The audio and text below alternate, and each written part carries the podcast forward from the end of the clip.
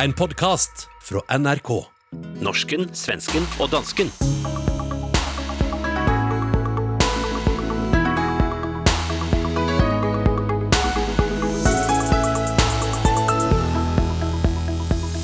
Fjelltopper er besteget, danske kroer besökt og korona hjemhentet fra Spania. Åsa Linderborgs bok Året med 13 måneder skaper furore i Sverige. Hassan Preisler lager overskrifter i Norge, og selv er jeg i sommerens løp forvandlet til en furie.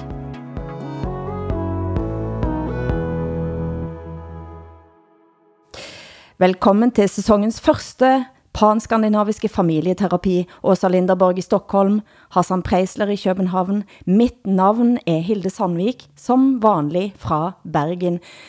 Og jeg har længtet sådan efter dere. Og hvordan har sommeren været uden oss, Hassan? Jeg har også savnet jer to rigtig meget i løbet af sommeren.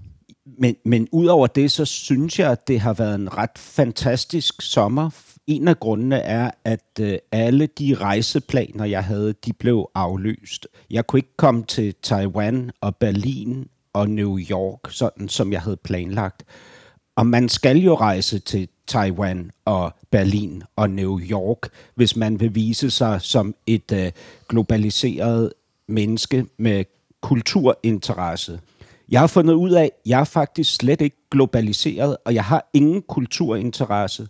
Altså, jeg vil helst bare være herinde i min lille lejlighed på Nørrebro i København, og til nød tage en lille tur til en dansk ø og ligge i en hængekøje og drikke pulverkaffe. For dig, Åsa, hvordan har det været? Ja, jag har ju jobbat den här sommaren, gjort några intervjuer. Sen har jag ju haft eh, sån här ångest som man har när man ska släppa en bok. Så, ja. Ja, for vi må jo på en måte hoppe rätt i det her. Det har Nej, jag været vill en höra hur speciell du har haft sommer. det, Hilde. Ah, jeg har egentlig så kjenner jeg at jeg er litt i slekt med Hassan, og så må jeg indrømme at jeg jubler litt inni meg, da det var muligheter for den 15. juni å ha noen flere grønne land i Europa, sånn at jeg kunne smutte rett over grensen og tilbake igjen fort. Men ellers har jeg faktisk også jobbet ganske masse. Eh, men altså, jeg, har jo, jeg, jeg, jeg dør etter å få høre mer om boken din, eh, Åsa, Året med 13 måneder. Nå är den ute och angrar du på det? Ja, ibland kanske... Alltså jag måste säga att eh, jag tycker egentligen inte att en författare ska debattera sin bok. Så att egentligen borde jag kanske inte sitta här och snacka om den. Å andra sidan så är det den stora snackisen i Sverige just nu. Oavsett om jag vill det eller inte. Och alla som har följt den här podden vet ju att jag har skrivit boken också. Det blir konstigt att inte prata om den. Men eh, det är klart att det, mm, det är ju jobbigt när det, när det blåser och när jag bitvis känner mig väldigt missförstådd. Eller när de håller på med min person och inte min bok. Men alltså, før, eh, før vi går vidare, så kan du helt kort säga vad året med 13 månader är för något? Ja, väldigt snabbt då så är det ju min dagbok från hösten 2017 till hösten 2018. Och den börjar med bråket på bokmässan. Og det var et bråk om eh, en Ja, stand? om nya tider, högerpopulistiska eller högerextremistiska tidningen ska få vara där, vilket jag tyckte. Eh, vilket upprörde många inom vänstern, eh, många liberaler. Och sen går den vidare över till metoo som ju drabbar Aftonbladet på en gång då i samband med Fredrik Virtanen som blir våldtäktsanklagad. Eh, och sen eh, så går det därifrån vidare till en, att Aftonbladet granskar Kulturhusets vd Benny Fredriksson. Och några månader sen tar han sitt liv. Och eh, efter det bryter Svenska Akademin ihop och sen så kommer en valrörelse där Sverigedemokraterna äter sig fram. Under hela det här året så ser man också eh, mitt privatliv då, hur det brakar samman eftersom jag, jag åldras, jag tappar självförtroende och jag förlorar min man. Fyra, han lämnar mig för en ännu yngre kvinna fyra dagar innan Benny Fredriksson tar sitt liv. Så det är, det, och det är alltså min dagbok som jag har städat upp så att den är möjlig att publicera. Och kritiken har alltså till tider varit knallhard och brutal, nästan nådelös. Og vi kan, vi kan høre her et lite klipp fra P1 Kultur denne uken, eh, der du og boken var tema. Litteraturkritiker, tidligere kultursjef Ingrid Elam diskuterer boken med kulturredaktionens Nina Asamoy och programleder Gunnar Bolin. Alltså Nina har ju rätt i det, att det finns ett rapportdrag. Det finns också ett försvarstalsdrag i det. Att hon hela tiden eh, skriver som om hon skriver debattartiklar hela tiden. Mm. I dagboksform. Jo, sen så är det ju lite mer uttalat riktig dagboksprosa. Det står i efterordet att det är redigerat, hon har tagit bort saker som skulle kunna vara avslöjande för Aftonbladet och rent skvaller och så vidare. Men annars är det ju inte tänkt att publiceras, så det är ju en sån fråga man ställer sig. Varför vill hon ändå publicera detta? Tror du på det? Alltså inga skrivande människor skriver ju utan att vilja bli lästa i och för sig. Men jag såg faktiskt någonstans där hon citerade från en tidigare dagbok från jag skulle säga 2015 eller så, så att hon skriver dagbok, det, ja. det tror jag stämmer. Men, men någonting som väl ändå ska vara karaktäristiskt, karaktäristiskt för dagbok är väl ändå att det ska vara ärligt och det ska vara så här var det, det var det här som hände under den här tiden. Tror ni på Åsa Lindeborg i, med det sagt? Det är så himla intressant, för det är klart att man ljuger i en dagbok. Jag, jag tycker det finns inget forum där man är helt ärlig. Jag, jag, tror verkligen att, att det är väldigt tillrättalagt på något sätt ändå. Jag kan faktiskt tänka mig att man glömmer sina artiklar. Att man glömmer att man har skrivit dem, att man glömmer vad man skrev. Om man jobbar så i en sån stress som hon gjorde, så, så, jag tror kanske inte nödvändigtvis att hon ljuger där. Men om man två år senare gör en bok av det, då kanske man kunde orka plocka fram sina texter och inte hela tiden låtsas som att man har glömt dem. De tvivlar nästan på att detta var en sann historia också. Eh, att du lyger blir det nästan påstått här. Ja, alltså det, jag tycker det är ett sånt övergrepp Um, om man säger så att, att, att, eh, man ljuger alltid i en dagbok så skulle jag säga att eh, så är det ju. Men dagboksskrivare ljuger ju inte mer än de som inte skriver dagbok. Vi ljuger alltid inför varandra, eller inför oss själva. Vi smiter undan, vi hittar genvägar. Det enda sättet att eh, liksom orka med sig själv, allt man gör och allt man säger un, eh, under en dag eller under ett liv. Det är ju jättesvårt att leva, man gör ju fel hela tiden. Det som skiljer mig från andra är ju nu att jag redovisar då mina tillkortakommanden, mina pinsamheter och jag berättar eh, hur det gick till på Aftonbladet och i mitt liv. Och det är ju otroligt provocerande skulle jag säga att de tycker att de vet mer om vad som hände i mitt liv. Eller vet mer om vad som hände på Aftonbladet. De har faktiskt inte en aning. Eh, men det finns ju också i den här boken en, en dramaturgisk finess eh, som bygger på, på det som är sant, nämligen att den här förfärliga texten som jag skrev om Benny Fredriksson, att jag inte vill prata om den, jag vill inte läsa om den, därför att så ser ju ofta livet ut, att man vågar inte konfronteras med det som man skäms för, eller det man är rädd för.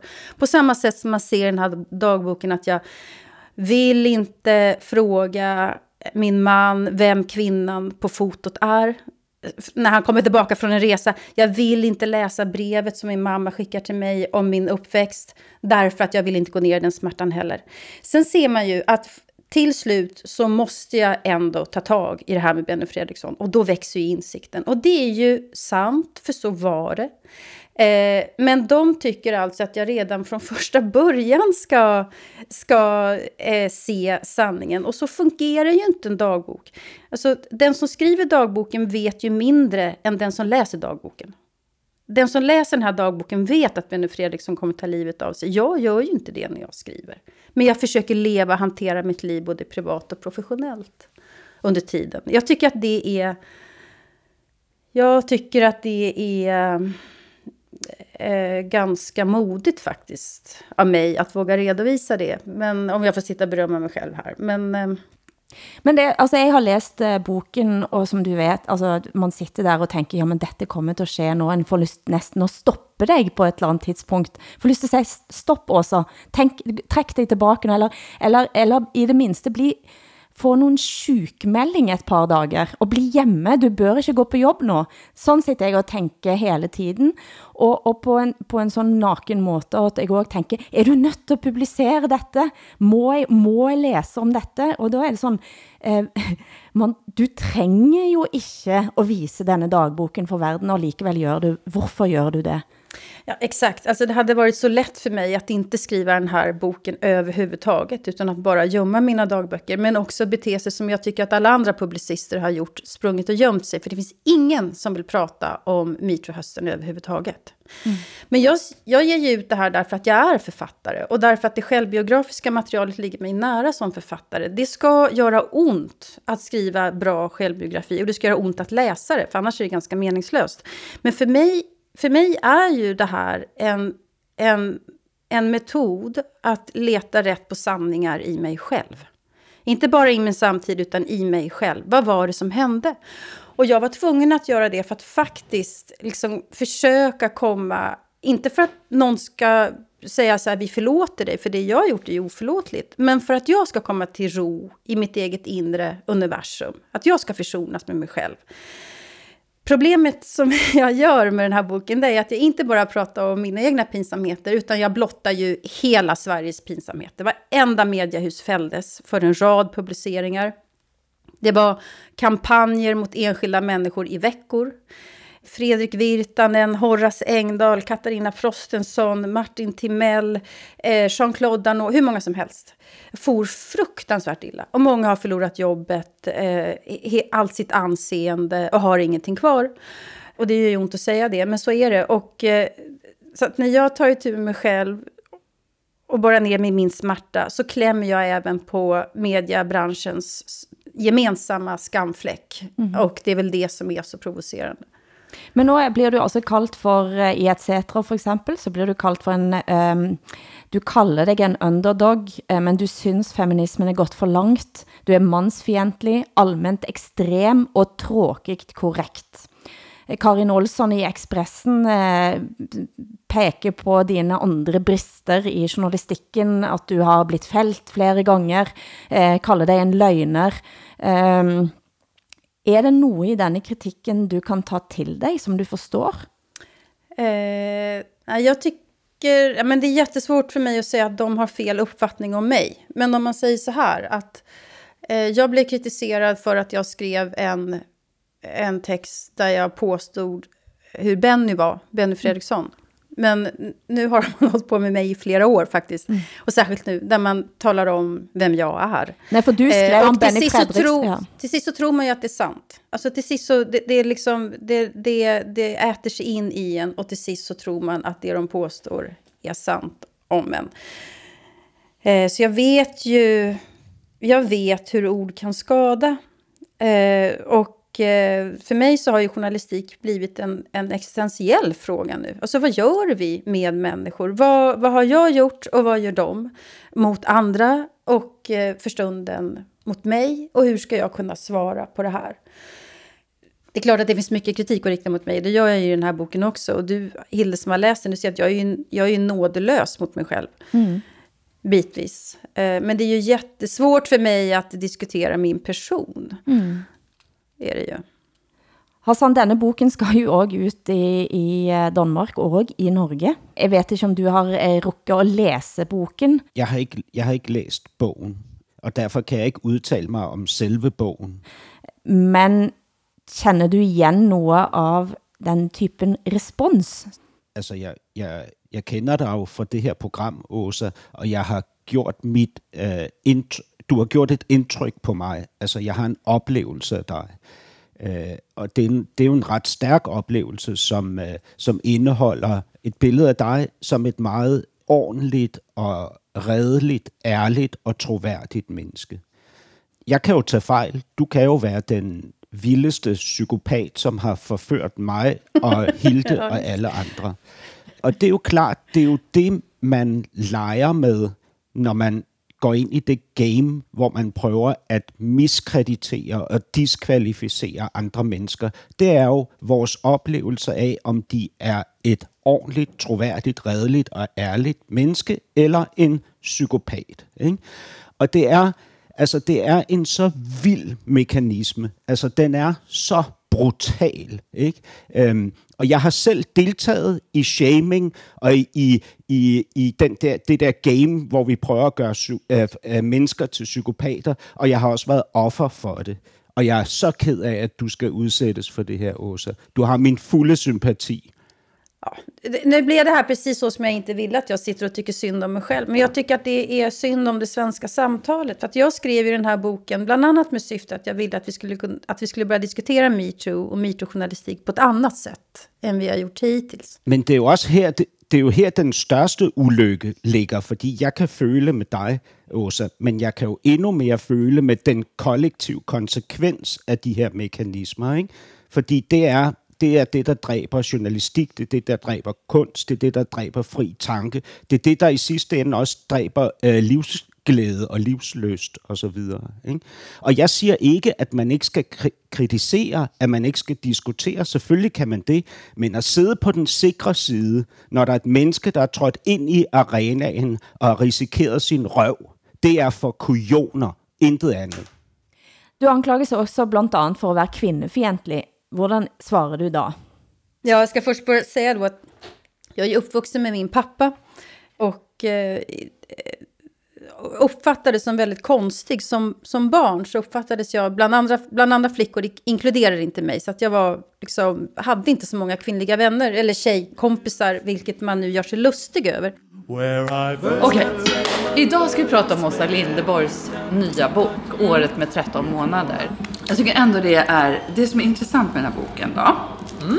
det är ju eh, raden med män som mm. hon lutar sig mot. Det börjar med mannen som jobbade tillsammans med hennes pappa Leffe på mm. Metallverken mm. som säger stå på dig Åsa. Det är norrmannen som uppvaktar henne genomgående. Ett glas etterpå. Ett glas etterpå. Mm. Det är Kjartan Flögstad. Mm. Leo Lagerkrans. Eh, det är Jan Helin. Det är Göran Greider. Och sen är det Lena Andersson som i princip är en man, kan vi säga. Nej, men... Gunilla. Men på en del sätt. På en del sätt är hon det. Ja. Ja. ja. Mm. Och det är alltså då i Expressens podd Lunch med Montelius som de säger så här. Och det är helt ofattbart för mig att två stycken feminister år 2020 kan säga att Lena Andersson inte är en riktig kvinna. De säger att hon är i princip en man. Lena Andersson är en eh, svensk eh, författare som också är stor i Danmark och Norge. Ja, precis. Och hon är Eh, hon är liberal och jag är socialist och vi har inte gillat varandra alls tidigare och nu, nu är vi liksom oerhört nära vänner. Vi har blivit det med anledning av striden om bokmässan. Och vad man alltid brukar hålla då emot Lena Andersson, det är att hon har fel frisyr, hon har fel kläder, hon har fel skor, hon har fel portfölj. Hon beter sig helt enkelt inte så kvinnligt, så som tydligen feminister tycker att man ska bete sig. Det är helt ofattbart, tycker jag, att man kan säga någonting sånt. Noe av det jeg finner også fascinerende, er din eh, ja, litt sånn selvironiske eh, oppgjør med deg selv fordi du bor på Söder, du bor midt i Stockholm, du eh, köper kjøper dyre klær på NK. Altså denne vekselen, du er, er du en silkesosialist, som det var kalt i, i Norge, altså en, drikker champagne og snakker varmt om kommunismen. Ja, sansar-marxist brukar jag kalla mig själv. Eh, det här är ju en berättelse om, om, om en klassresenär. Alltså jag växte ju upp, jag är ju, jag är ju arbetarbarn. Eh, och sen så har jag gjort en klassresa som, som överträffar det mesta. Eh, och eh, hur, kan, hur förhåller jag mig till det? Eh, och samtidigt då eh, vara socialist. Det är, ju, det är ju en av alla konflikter som jag brottas med. Och det är det som jag tycker är, som är så fint, tycker jag, med den, den faktiskt då ärliga dagbokens form, genre, det är att man, man kliver in i någons huvud eh, och ser alla konflikter och motsättningar som ryms i, i en människa. Eh, om man vågar blotta dem, och det gör jag ju här då. Det finns ju en tradition för det i Sverige. Ulf Lundell har skrivit dagbok, Norén skrev dagbok. Jag kan inte huska att ha läst den typ fördömelse som din dagbok utsätts för. Alltså... Jag trodde faktiskt inte att jag, jag trodde faktiskt aldrig att jag skulle bli ifrågasatt för dagboksgenren. Däremot trodde jag att jag skulle bli ifrågasatt för mitt metoo-perspektiv. Det har jag ju visserligen blivit. Jag trodde att jag skulle bli ifrågasatt för att jag utnyttjar människor för det gör jag ju.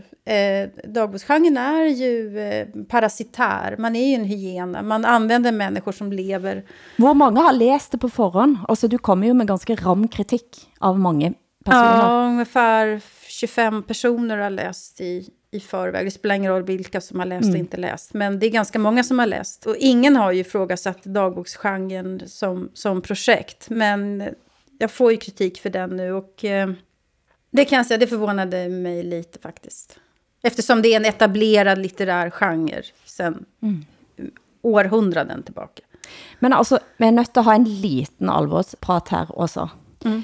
I eh, ett ord så står det att du har utelatt väldigt mycket, och det du har utelatt är skvalder, karakterdrap, och jag vet ju att jag på många av de sidorna stod rätt vid sidan av det. Jag har varit med på många av dessa ting och jag blir inte nämnt. Så då lurer jag på, begick du ett karakterdrap i dagboksform som nu vi inte har fått tillgång på? När du inte nämnde boken. Nej, men det var ju till städe ja. många gånger. Nej, men så, så är det ju. Alltså jag har Eh, min vänkrets är mycket större än, än vad, den här, vad som framgår i den här boken. Det var min förläggare som sa du kan inte ha med så många namn. Eh, och sen så tänkte jag ett tag att till den norska utgåvan så skulle jag ju kunna ta med alla norska... Det är många norska vänner, med all respekt till det, som jag har uteslutit. Eh, men, eh, men, men, men jag, jag är nyfiken på något helt annat, eh, Åsa. Äh, skriver du fortfarande dagbok? Absolut. Hassan, du är med i den dagboken. Ja, och så tänkte jag på, har du din dagbok vid sidan av dig nu? Nej, den har, ha, nej, äh, ja, jag är inte vid sidan av. Då måste jag springa och hämta den. Men... Nej, för så vill jag gärna att du läste något upp om mig. ja, då får, jag, då får jag bläddra lite. Kunde du måske läsa något upp i, om du inte har något nu, så i nästa program så kunde du läsa. Det ska jag göra. Du hører norsken, svensken og dansken i SR, DR og NRK.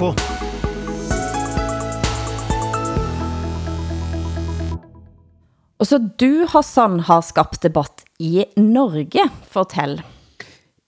Ja, jeg, det, det er sådan, at, øh, at ret ofte så bliver jeg ringet op af norske journalister, som spørger mig øh, til ting, der handler om... Øh, om øh, maskulinitet og øh, øh, kampen mellem kønnene og så videre.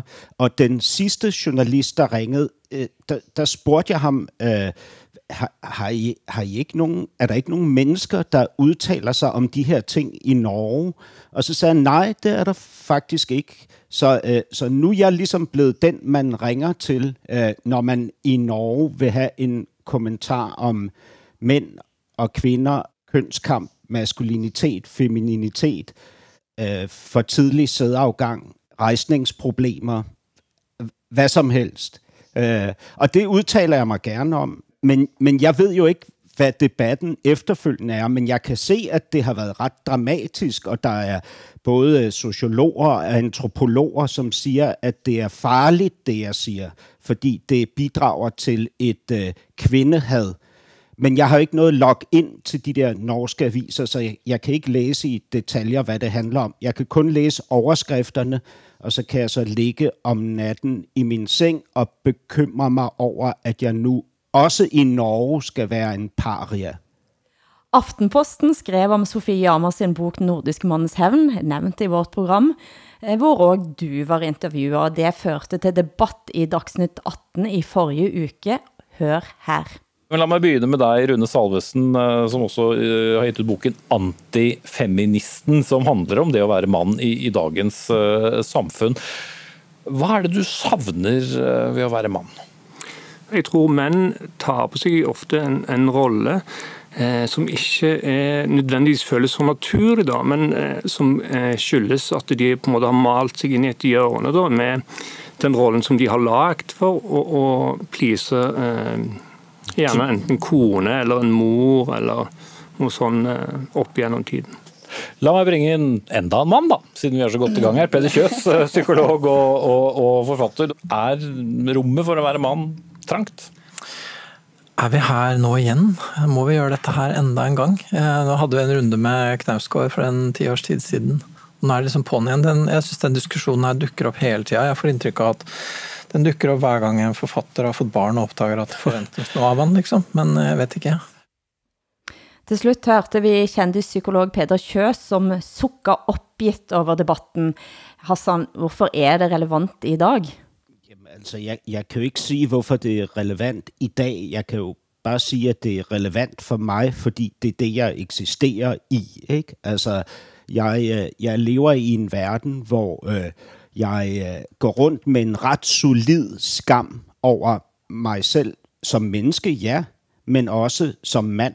Altså en skam over det køn, jeg har. Ikke? Øh, og det er jo øh, på grund af, som jeg ser det, øh, til dels fortællinger om en iboende indre maskulin dæmon, som jeg har, og en ydre magt, jeg udøver over det andet køn på grund af min iboende indre maskuline dæmon. Ikke?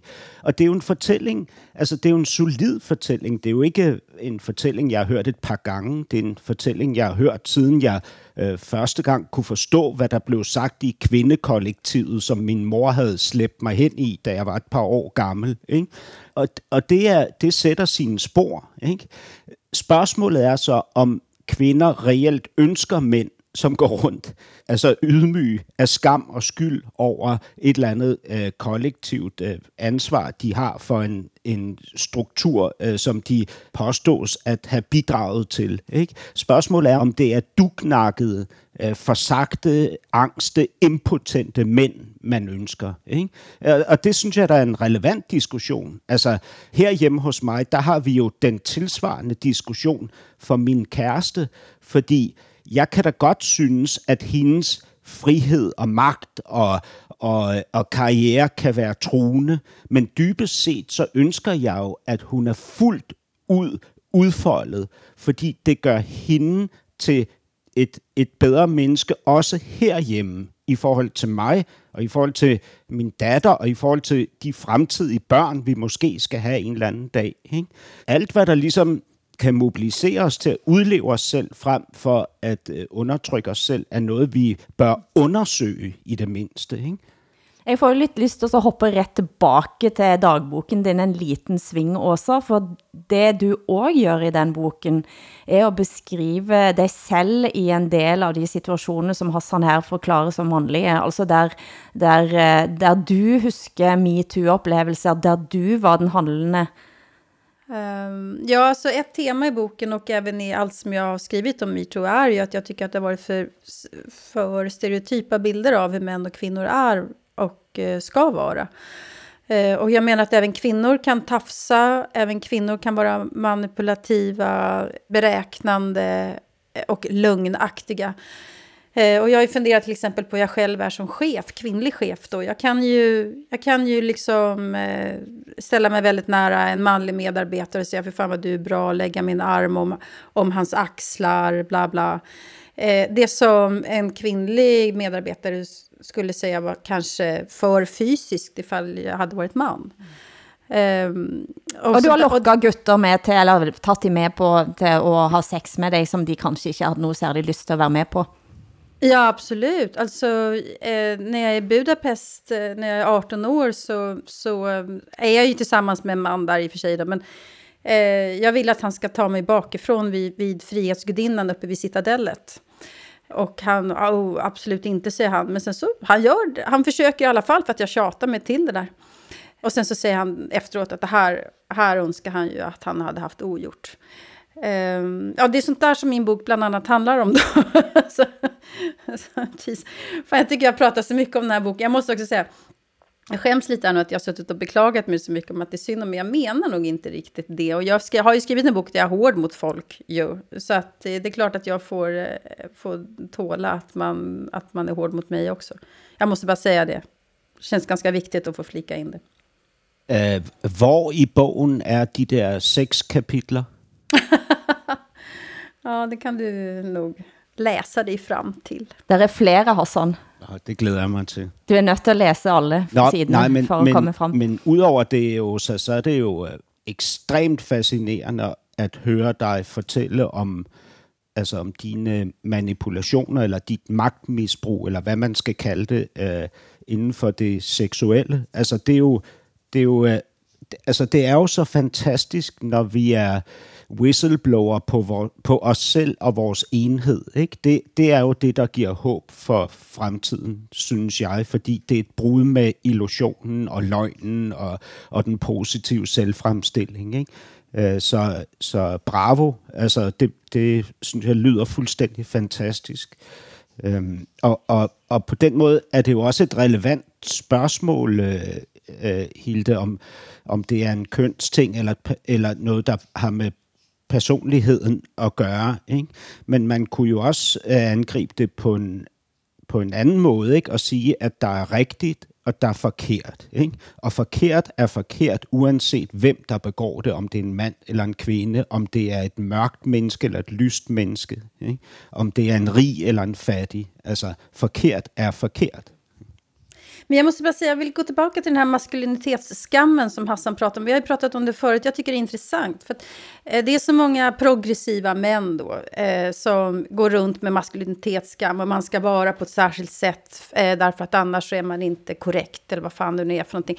Då är ju frågan, som jag vill ställa till dig, Hilde. Eh, vill man ha män som inte bottnar i sitt eget kön på det där viset, utan som går runt och spelar en roll därför att man ska passa in i någon slags progressiva värderingar som feminister har formulerat? Om jag uttrycker mig nu väldigt explicit. Vad säger du? Nej, alltså, om du frågar mig så vill inte jag det.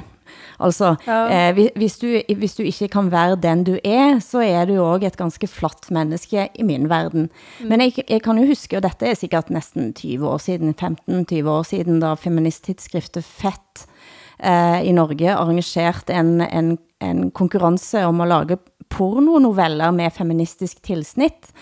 Eh, og de klarte ikke, hvis jeg husker rett, så klarte de ikke å finne en vinner, fordi all sex har en eller annen slags form for makt i seg. Så der, derfor så ble det helt sånn, du, du klarer ikke å beskrive sex uten at det finns en eller annen form for, ja, men også makt. Eh, og, og det finns jo i alle relasjoner, För for meg så tenker jeg, altså den type mann som skisseres opp, altså enten så er du et helt menneske, eller så er du det ikke, tenker jeg da. Det tänker jag också. Jag tänker också att jag vill ju som kvinna ha en man som, som, eh, som är lika mycket för jämställdhet som jag är.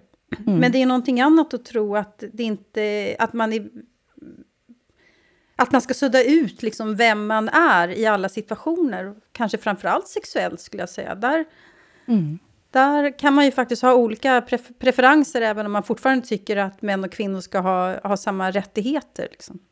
Jeg hørte en historie i sommer, en eh, av de store regissørene eh, i Norge, som fortalte mig, at hun hadde eh, i en opptak av en serie mött motstånd fra en svensk skuespiller, fordi han ville nekta å spille in en scene der han tog et menneske, en, en kvinne bakfra og holdt henne hennes nede. Han, han mente det var olagligt. Eh, hvor på den ene regiassistenten da sa, har du aldrig haft sex? Altså, det, det, det er et eller andet med, at, eh, at man lager nogle bilder, som blir så vassne, jeg, jeg vet ikke. Og jo, men, Men- men, altså sex, jamen, som, som I siger begge to, sex handler jo om, om, om magt og om overgivelse, ikke? Altså øh, afmagt og magt, øh, dominans, øh, hvad hedder det, underlæggelse, ikke? Og det er jo en leg mellem de elementer, og derfor, det er jo derfor, det er spændende. Altså hvis alt er lige i en seng, ikke? Så er der ikke, jeg, jeg ville simpelthen ikke vide, hvad jeg skulle få rejsning af, så øh, hvis, hvis truslen var fjernet. Ikke? Men, men noget andet er, noget jeg har tænkt over, det er, at den der skam, ikke? det er jo ikke kun en skam, som kvinder øh, påfører mig. Det er faktisk også en skam, som andre mænd påfører mig, og jeg selv påfører mig. Og det, det er jo fordi den skam, den regulerer min adfærd på en ekstremt effektiv måde. Ikke? Det vil sige, lige så snart jeg bevæger mig hen et sted, hvor der kunne være fare for, at jeg bliver kategoriseret som en, en af de der maskuline dæmoner, så mm. bruger jeg min anvender af min egen skam til selvregulering. Ikke? Norsken, svensken og dansken med Hilde Sandvik, Åsa Linderborg og Hassan Preisler. Vi har nämnt saken tidigare, i program, men ingen av oss tog den seriöst då. Det var en kuriosa, trodde vi. En tysk student klager på en föreläsare vid Universitetet i Bergen för att ha fortalt en dålig vits. Nu har vedkommande fått 10 000 kronor i erstatning från universitetet. Och här förklarar rektor Dag Rune Olsen varför på Dagsnytt 18. Dag Rune Olsen, du er rektor ved Universitetet i Bergen. Hvorfor eh, valgte dere å beklage overfor studenten?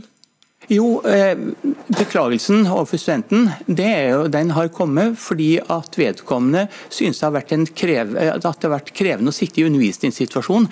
Og det er klart at For et universitet så er vi ekstremt opptatt av at vi skal kunne levere god undervisning i en, et miljø som faktisk er lærende for um, studentene. Og hvis man føler seg krenket eller eh, hva det måtte være, så vil ikke det være et godt læringsmiljø. Så vi er opptatt av å både uttrykke oss, legge til rette for at vi gjør i undervisningsrommet. Det handler jo om å lage et så godt læringsmiljø som overhodet mulig. Jag är jätteglad att jag har lämnat universitetet. Jag skulle aldrig våga undervisa idag. Eh, det skulle vara helt omöjligt för mig. För man kan ju inte ha någon personlighet eh, tydligen. Det, alltså det här är ju ett hot mot hela den akademiska friheten skulle jag säga. Men framförallt så speglar ju det här idén om paradiset som vi har pratat om tidigare i podden. Att, att vi tror att vi ska kunna leva ett liv och gå runt utan att någonsin bli ledsna, någonsin bli kränkta, någonsin få våra åsikter ifrågasatta. Och så fungerar det faktiskt inte. Eh, det, det, det, funkar inte så. Eh, om det är så att man ska betala ut skadestånd så fort... Eh, att man ska få skadestånd så fort man känner sig kränkt. Så det kommer inte fungera helt enkelt. Det här måste ju bli pre prejudikat, väldigt, väldigt konstigt tycker jag. Här har vi ju en rektor som egentligen rätt ut säger att universitetet ska vara en safe space. Sista stället skulle jag säga i i världen som ska vara en safe space, det är ju universiteten. Det är där man ska få, få tänka högt, tänka fritt och testa nya idéer. För att annars, så utveckla, annars blir det ingen vetenskap om man inte testar, testar gränser. Det betyder inte att man ska få säga vad som helst. Det är inte det jag är ute efter. Men det finns ju nu en kränkthetskultur som faktiskt hotar lusten att, att eh, överhuvudtaget tänka. For eh, danske og svenske lyttere så kan jeg si at det eh, professoren sa, eh, kom med en relativt dårlig vits, snakket om tyskere, og sa tyskerne har vært her før, underforstått, på 40-tallet. Kostade det 10 000 kroner att säga det alltså? Ja. Var det här Norge eller? Jag vet inte om du ser på Bergen som Norge, men... Eh... Ja, det hade kunnat vara i Sverige. Hvilket fakultet var det? Dette var en professor i psykologi. Ja, det er jo det prøv at høre, det her, det foregår jo altid på nogle bestemte fakulteter. Ikke? Det er ligesom om derover, hvor de uddanner sig til at øh, operere i et hjerte eller bygge en bro, der har de ikke tid til den slags. Vel? Så det er ligesom på nogle bestemte fakulteter, man kaster sig over de her ting. Ikke? Og jeg synes måske egentlig, vi skulle reservere, reservere de her fakulteter til de mennesker, der øh, er optaget af, at øh, der skal være et sted, hvor de ikke kan blive krænket. Øh, og så lad dem gå i børn, nej, i øh, hvad hedder det, øh, i, på universitetet, på de her fakulteter, ikke? så har vi et, et, et sted, hvor vi kan parkere dem. Ikke? Vi må ha en coronarunde. Hvad er de mest aktuelle coronanyhetene i sommer? Hvordan har svenskene nå klart sig også? Dere gik jo ind i sommeren og var en slags pariakaste i verden ifølge New York Times. Hvordan ser det ut nu? Ja, alltså vi har inte alls samma dödstal som tidigare. Vi, vi glädjer oss över att eh, The Guardian skriver att det kanske är så att Sverige har valt rätt väg från första början och sådär. Jag har faktiskt slutat tänka på corona mer än att jag längtar efter er. Det jeg eh, husker og har læst i sommer er denne lekasjen, altså e-mailene mellem Anders Tegnell og Johan Giesecke. Har du læst, ja. har du følt med på denne e-postlekasjen også?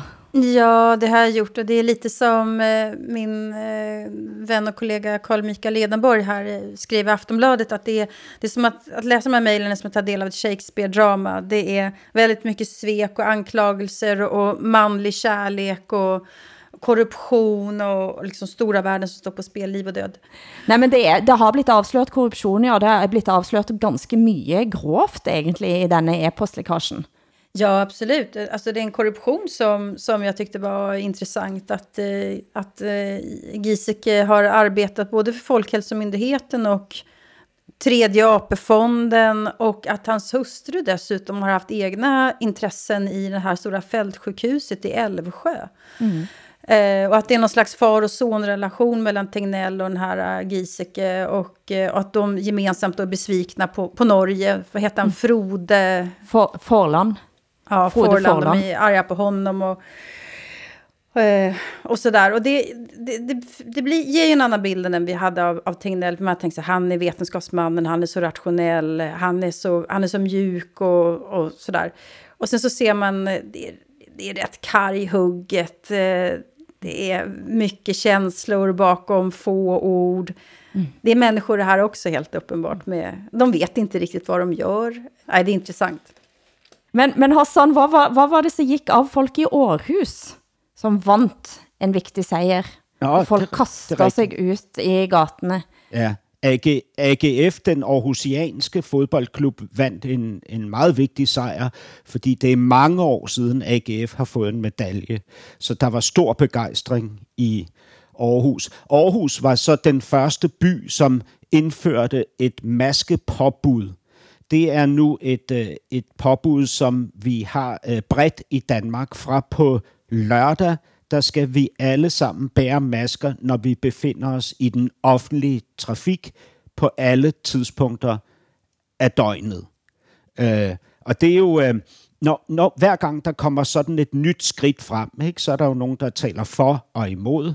Og der er blandt andet en af de danske forskere, som siger, at der skal faktisk være 100.000 danskere, som bærer maske i den kollektive trafik i en hel uge for at man undgår en smittet. Ikke?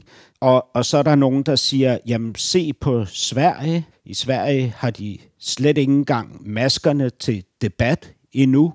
Bør vi ikke være mere modige og gå svensk enegang? Og hver gang der er nogen, der udtrykker sig positivt over for Sverige, så kommer der rigtig mange andre mennesker og siger, vi skal altså lige være opmærksom på, at dødstallet i Sverige i forbindelse med corona er mindst 10 gange så højt som i Danmark og mindst 20 gange så højt som i Norge.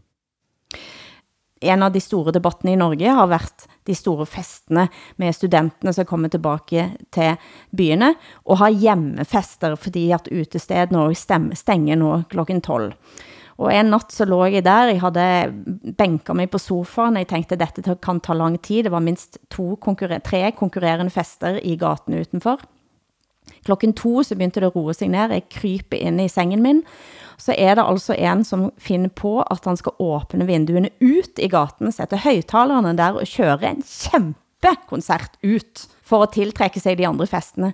Der er i dag så klikker jeg blev Hassan Preisler, jeg tog på mig klær, gik ned i tøfler og hytta med neven, og ropte, og ropte, nå får dere gi dere, sa jeg. Og i løbet av fem minutter så hadde jeg altså stoppet tre, tre fester. jeg, ble, jeg ble det som i USA har blitt for Karen, altså jeg ble en middelaldrende sint dame som klikket.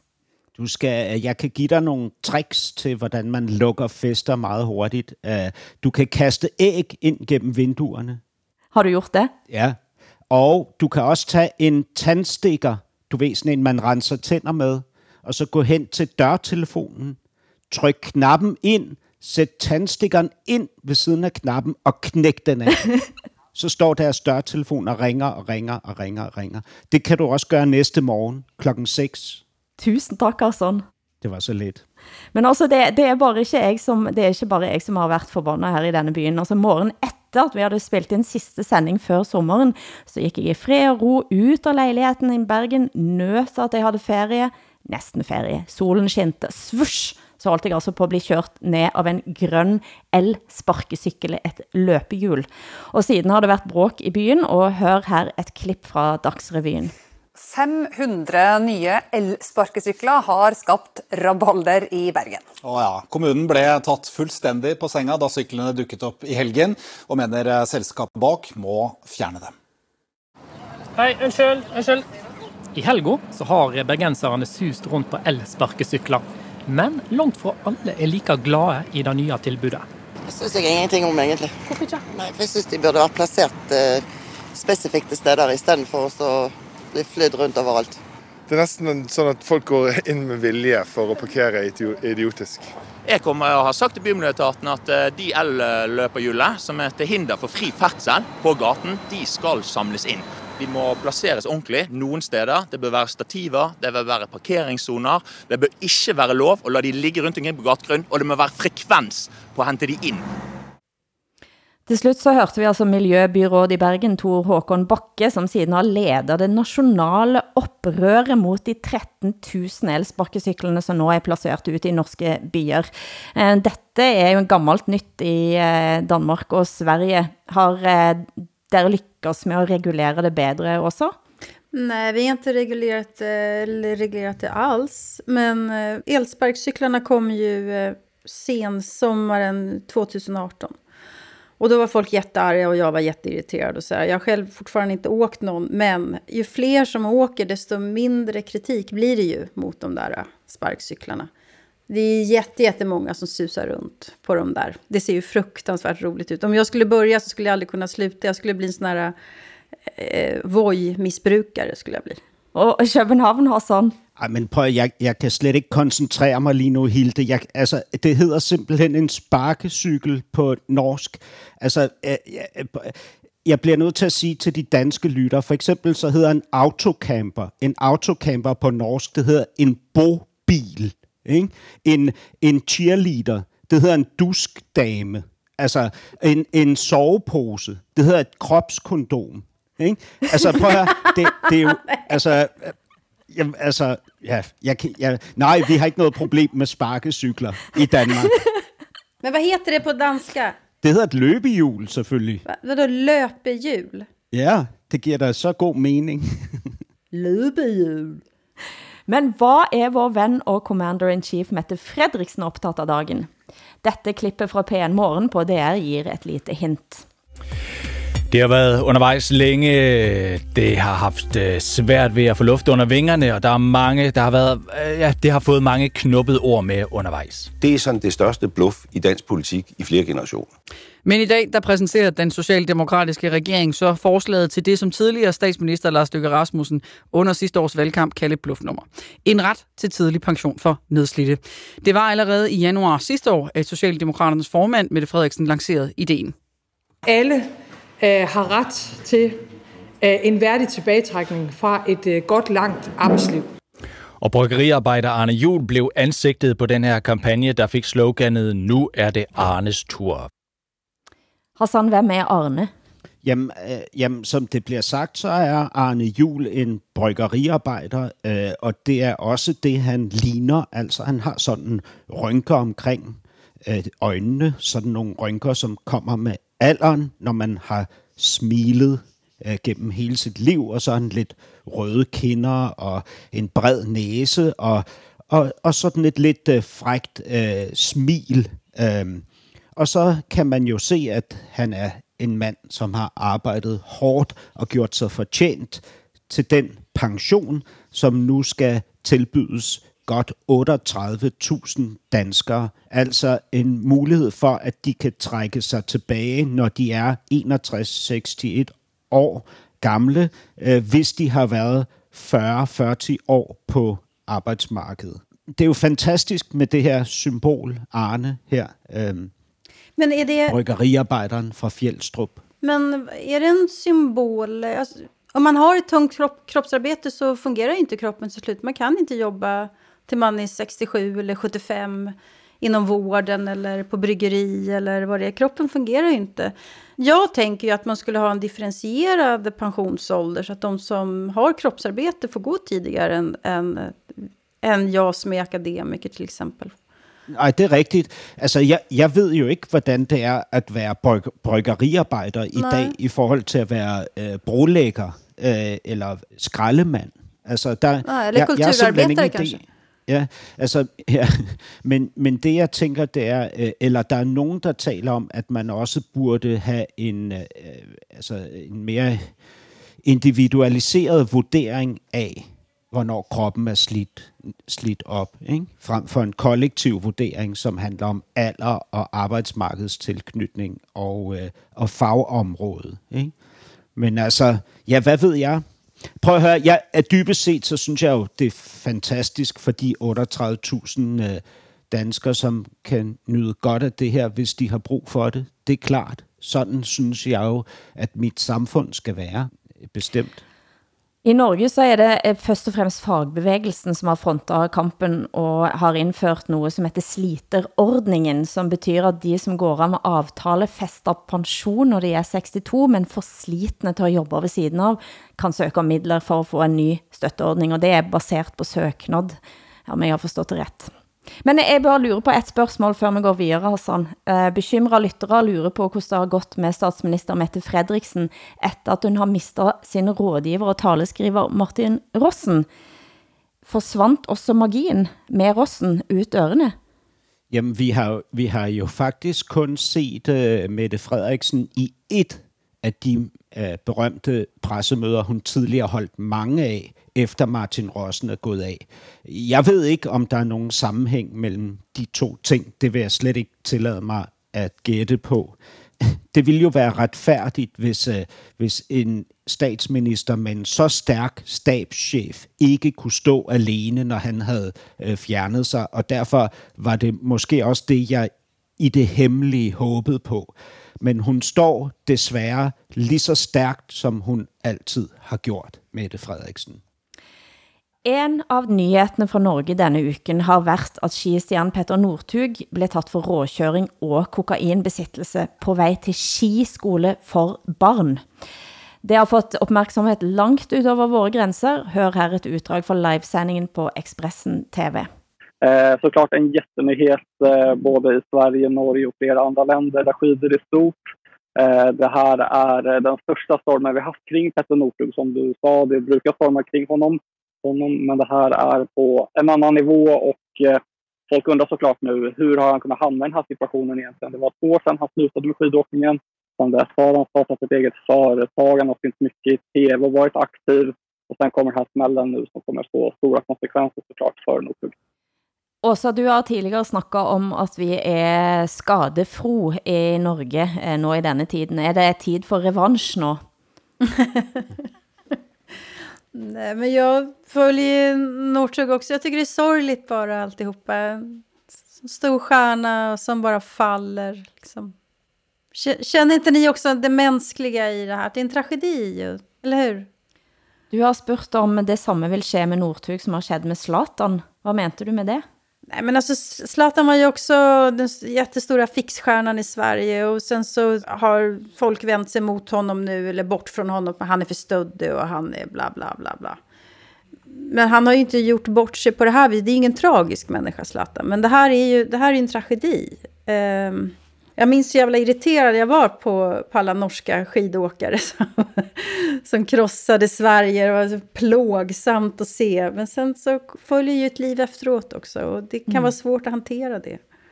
Det är hemskt. No Northug har hatt og dyrket et rykte som bad boy og festløve, og vi kan høre her et lite klipp fra norske komikerne Ylvis sitt program Stories from Norway, hvor de tuller med akkurat dette imaget i sangen Langrennsfar.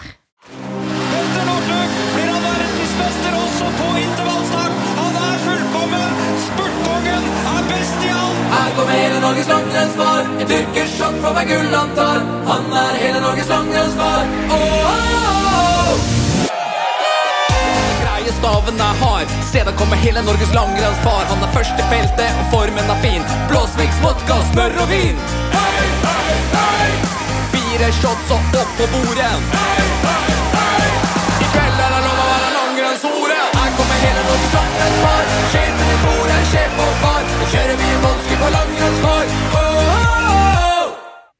Ja, altså om dette var medaljens forside, så var det altså tonen en helt annen på Instagram denne uken, og Peter Northug ber, ber om eh, unnskyldning og, og det ene og det andre. Eh, men du sier allikevel også at dette er en menneskelig tragedi. Han har jo vitterlig vært med på å, å skape dette bildet selv, da. Ja, det har han absolut gjort. Eh, jag måste säga, det var en ganska catchy låt, även om den också var rätt, rätt töntig då. Men eh, det är klart att han är ansvarig för sina egna handlingar. Men det kan ju vara, det vet vi ju, väldigt svårt att vara på en stor, stor stjärna och sen så kommer ett annat liv efteråt. Och att hantera det, det är ju det är ett klassiskt material för, för ja, skriva, att skapa kultur av, helt enkelt. Kanske vi får Northugs dagböcker. Vi kommer aldrig mer att få läsa någon dagbok. Tror jag. jag har sabbat hela den genren, ingen vågar. Det blir sista ord i dagens sändning. Producent har varit Henrik Hylland Ulving i Stockholm, Åsa Linderborg i Köpenhamn, Hassan Preisler, jag sitter i Bergen, heter Hilde Sandvik. Til skrekk og advarsel, eventuelt soundtrack til alle studentfestene, så ønsker vi alle våre skandinaviske lyttere en fortsatt god helg med partytoner fra Ylvis-brødrene.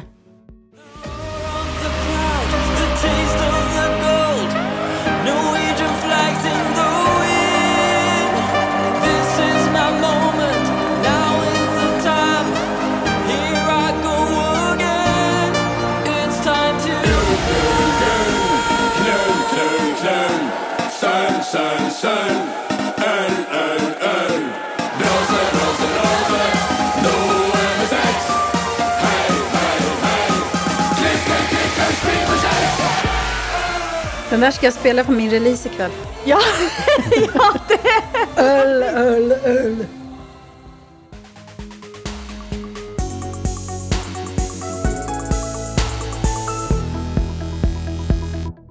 Du har hørt en podcast fra NRK. Hør flere podcaster og din favorittkanal i appen NRK Radio.